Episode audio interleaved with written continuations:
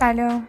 در دنیایی که ما زندگی میکنیم سرشار از لحظه های شاد و غمگین و ناراحت کننده هست. ببینید دوستان وظیفه شما در این لحظات این هستش که به خودتون امیدوار باشید. امید بزرگترین معجزه ای هست که میتونه برای شما اتفاق بیفته. لطفا جا نزنید.